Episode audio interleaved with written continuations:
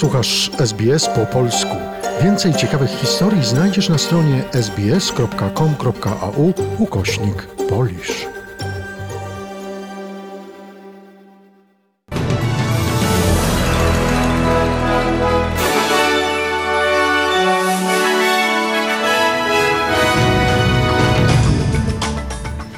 Przed mikrofonem Anna Sadurska oto najważniejsze wiadomości dnia w środę 21 października. Australia ma stać się jedną z wiodących gospodarek cyfrowych na świecie. Tak planuje rząd federalny. Dyrektorzy dużych firm w Wiktorii wzywają premiera Daniela Andrewsa do ponownego otwarcia gospodarki stanu. Departament Sprawiedliwości i 11 stanów USA pozwało Google za praktyki monopolistyczne. Wicepremier Jarosław Kaczyński jest na kwarantannie. Wpadka czeskiej minister pracy, która nazwała premiera debilem. Nie żyje aktor Wojciech Przoniak, a oto pełny serwis wiadomości. Rząd federalny jest zdeterminowany, aby w ciągu najbliższych 10 lat Australia stała się jedną z wiodących gospodarek cyfrowych na świecie. Premier Scott Morrison pochwalił konsumentów i przedsiębiorstwa za ich przystosowanie się do technologii internetowych podczas pandemii. Premier powiedział, że innowacje cyfrowe odegrają znaczącą rolę w ożywieniu gospodarczym. So we have two stories happening simultaneously now here in Australia. An economy that is experiencing the worst set of economic circumstances Mamy w Australii najgorsze z możliwych, najgorszą z możliwych sytuację ekonomiczną i jednocześnie determinację biznesu, który chce walczyć, aby przetrwać. W centrum naszej uwagi są uaktualnienie krajowej sieci szerokopasmowej i inwestycje w technologię 5G. Jednocześnie koncentrujemy się na bezpieczeństwie cybernetycznym, otwartej bankowości i prawach konsumentów dotyczących danych, powiedział premier Scott Morrison. Dyrektorzy siedmiu dużych firm Victorii, w tym West Farmers, Commonwealth Bank i BHP Billiton, podpisali wspólny list wzywający wiktoriańskiego premiera Daniela Andrewsa do ponownego otwarcia gospodarki stanu. Dyrektorzy ostrzegają, że obecne ograniczenia są nie do utrzymania i wzywają do ostrożnego i etapowego powrotu pracowników biur i małych firm, które świadczą im usługi. Oczekuje się, że sektor detaliczny Wiktorii zostanie ponownie otwarty 2 listopada lub wcześniej, w zależności od liczby zakażeń koronawirusem. Oto jak wygląda sytuacja epidemiologiczna Australii. W stanie Wiktoria wykryto trzy przypadki COVID-19. Liczba przypadków bez znanego źródła spadła z 13 do 10. Nowa Południowa Walia zgłosiła dwa nowe, lokalnie nabyte przypadki COVID-19. W kwarantannie hotelowej przebywa 8 osób zarażonych koronawirusem. W Queensland wykryto jeden nowy przypadek COVID-19. Stan ma pięciu chorych z powodu COVID-19. Polskie Ministerstwo Zdrowia poinformowało o 9291 nowych przypadkach zakażeń koronawirusem. Od wczoraj w Polsce zmarło 107 zakażonych osób, spośród których 98 osób miało choroby współistniejące. W ciągu minionej doby wykonano w Polsce ponad 41,5 tysiąca testów na obecność koronawirusa. W sumie w Polsce potwierdzono prawie 193 tysiące zakażeń. W Warszawie powstanie drugi szpital tymczasowy, który będzie mógł przyjąć około tysiąca pacjentów covidowych. Placówka ma być utworzona w jednej z warszawskich hal wystawniczych.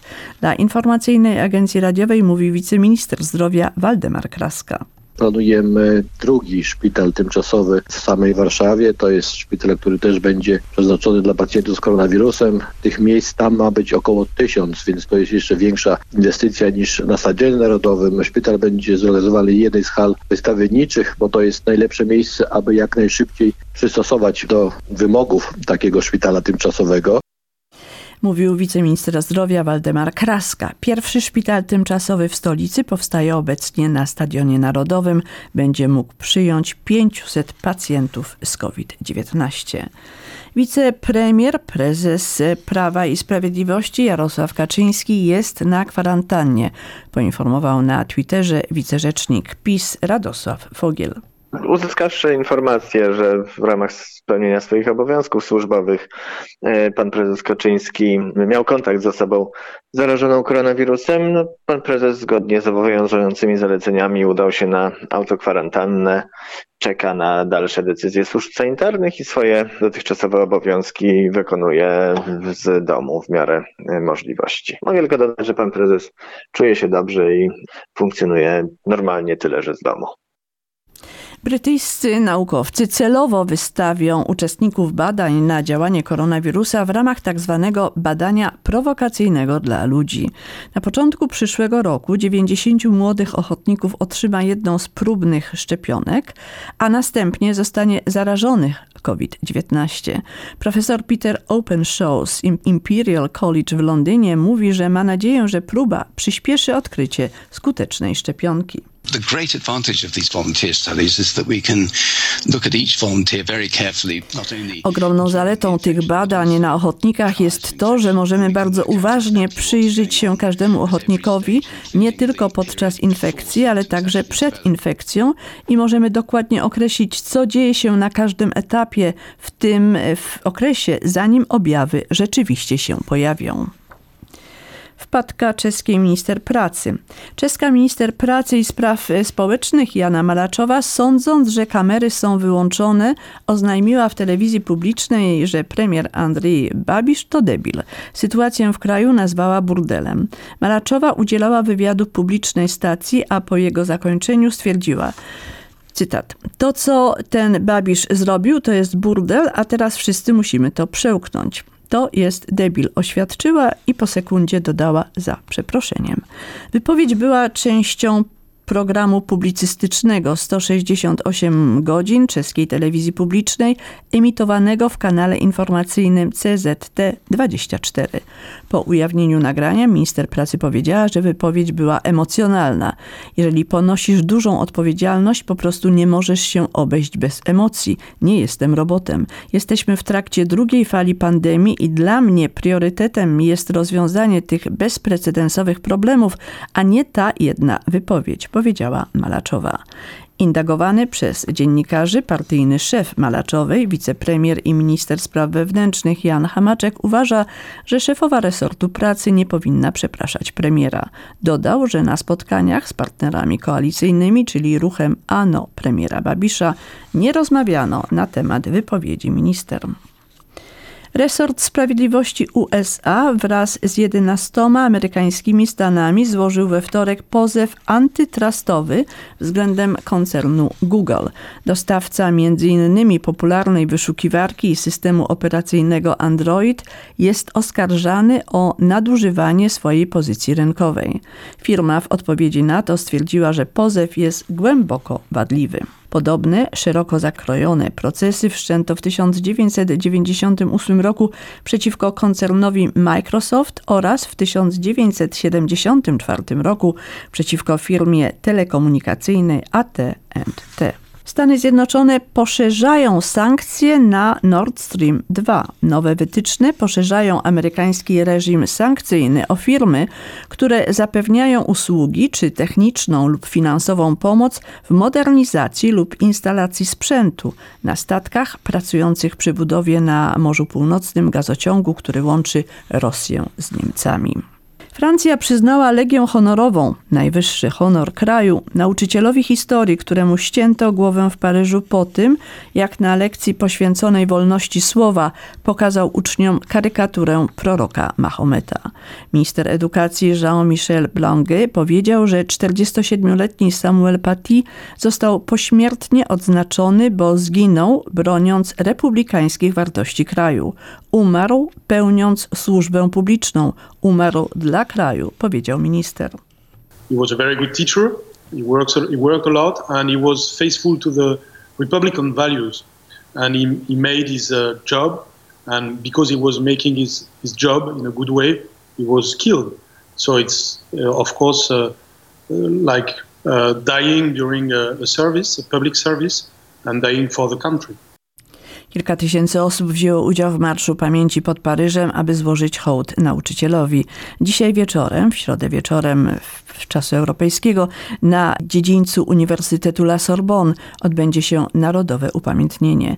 Więcej dla informacyjnej agencji radiowej Stefan Folzerner. Szef francuskiego MSW zapowiedział, że nakaz zamknięcia wielkiego meczetu w Pontin wejdzie w życie dziś wieczorem i będzie obowiązywał przez 6 miesięcy. Decyzja zapadła po tym, jak odkryto, że imam meczetu udostępnił na stronie internetowej wspólnoty nagranie nawołujące do zwolnienia 47-letniego nauczyciela, który pokazał uczniom karykatury proroka Mahometa. Według śledczych apel ten miał charakter fatły, czyli islamskiego edyktu w sprawie ukarania przeciwnika islamu, który zmotywował zabójcę nauczyciela, 18-letniego Abdullaha Anzorowa. Od wczoraj francuska policja prowadzi szereg akcji przeciwko islamistom. Szef francuskiego MSW zapowiedział liczne zatrzymania i rozwiązania stowarzyszeń wspierających radykalnych muzułmanów. Śledczy ustalili, że kilka dni przed zamachem zabójca, czeczeński uchodźca Abdullah Anzorow, kontaktował się z ojcem uczennicy, który prowadził w mediach społecznościowych kampanię przeciwko nauczycielowi. Policja nie ujawniła treści tych wiadomości. W kilku nagraniach wideo udostępnionych na Facebooku ojciec uczennicy krytykował Samuela Patiego i nawoływał do mobilizacji po tym, jak pokazał karykatury proroka Mahometa na lekcji poświęconej wolności słowa. Na jednym z nagrań mężczyzna pojawił się w towarzystwie islamskiego aktywisty, znanego francuskim służbom.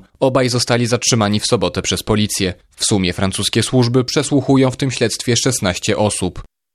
We Włoszech odbywa się Tydzień Kultury Polsko-Włoskiej. Impreza ma miejsce w Bari w południowych Włoszech. Trzeci dzień był poświęcony świętemu Janowi Pawłowi II. Więcej Piotr Kowalczuk dla Informacyjnej Agencji Radiowej. W kompleksie Bazyliki Świętego Mikołaja, gdzie pochowana jest królowa Bona, papieża Polaka w bardzo osobisty sposób wspominał jego były sekretarz, prałat Paweł Ptasznik z Watykańskiego Sekretariatu Stanu. Powiedział, że Jan Paweł II na najpotężniejszych ludziach świata wywierał ogromne wrażenie, natomiast jego wyjątkowa osobowość nie przytłaczała bliskich współpracowników. Myślę, że wynikało to z osobowości Jana Pawła II, który był bardzo ojcowski, bardzo prosty, bardzo zwyczajny. To było tak delikatne, że dopiero dzisiaj zaczyna w jakiś sposób wracać i pewnie budować coś dobrego. Po tym wystąpieniu i odczytach poświęconych Janowi Pawłowi II odbył się koncert muzyki barokowej polskich skrzypaczek Katarzyny Soleckiej i Ewy Anny Augustynowicz. Z Bari Piotr Kowalczuk. W poniedziałek w wieku 78 lat odszedł znakomity polski aktor teatralny i filmowy oraz pedagog Wojciech Przoniak. Urodził się 2 maja 1942 roku w Lwowie, zmarł 19 października 2020 roku w Warszawie. Dzieciństwo spędził w Gliwicach. Międzynarodową sławę przyniosła mu rola Moryca Welta w Ziemi Obiecanej Andrzeja Wajdy. Wystąpił m.in. w takich filmach jak Wesele, Danton, Korczak Andrzeja Wajdy oraz Austeria Jerzego Kawalerowicza. Występował również na scenach francuskich i londyńskich. Za wybitne osiągnięcia na rzecz kultury i sztuki był wielokrotnie odznaczany i nagradzany. Więcej o zmarłym Wojciechu Przoniaku usłyszycie Państwo w audycji. Waluty i pogoda. 1 dolar australijski wart jest 2 zł i 72 grosze. Pogoda dla stolic stanowych na jutro. W Perth, Adelaide i Melbourne będzie częściowe zachmurzenie. Maksymalnie 25 stopni będzie w Perth, nieco więcej 27 stopni w Adelaide, a w Melbourne 20 stopni. W Hobart jutro ma padać, maksymalnie będzie 15 stopni. W Canberrze będzie pochmurno z przejaśnieniami. W Sydney słonecznie i 25 stopni, w Brisbane po porannym deszczu maksymalnie 27 stopni, w Alice Springs mrzawka, możliwość burzy, maksymalnie 38 stopni. W Darwin słonecznie i 33 stopnie.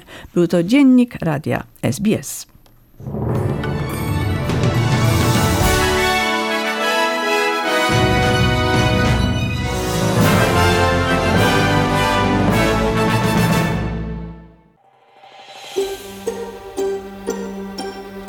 Zainteresowało Cię? Chcesz usłyszeć więcej? Słuchaj nas na podcastach dostępnych w Apple Podcast, Google Podcast czy Spotify lub w jakimkolwiek innym, który używasz.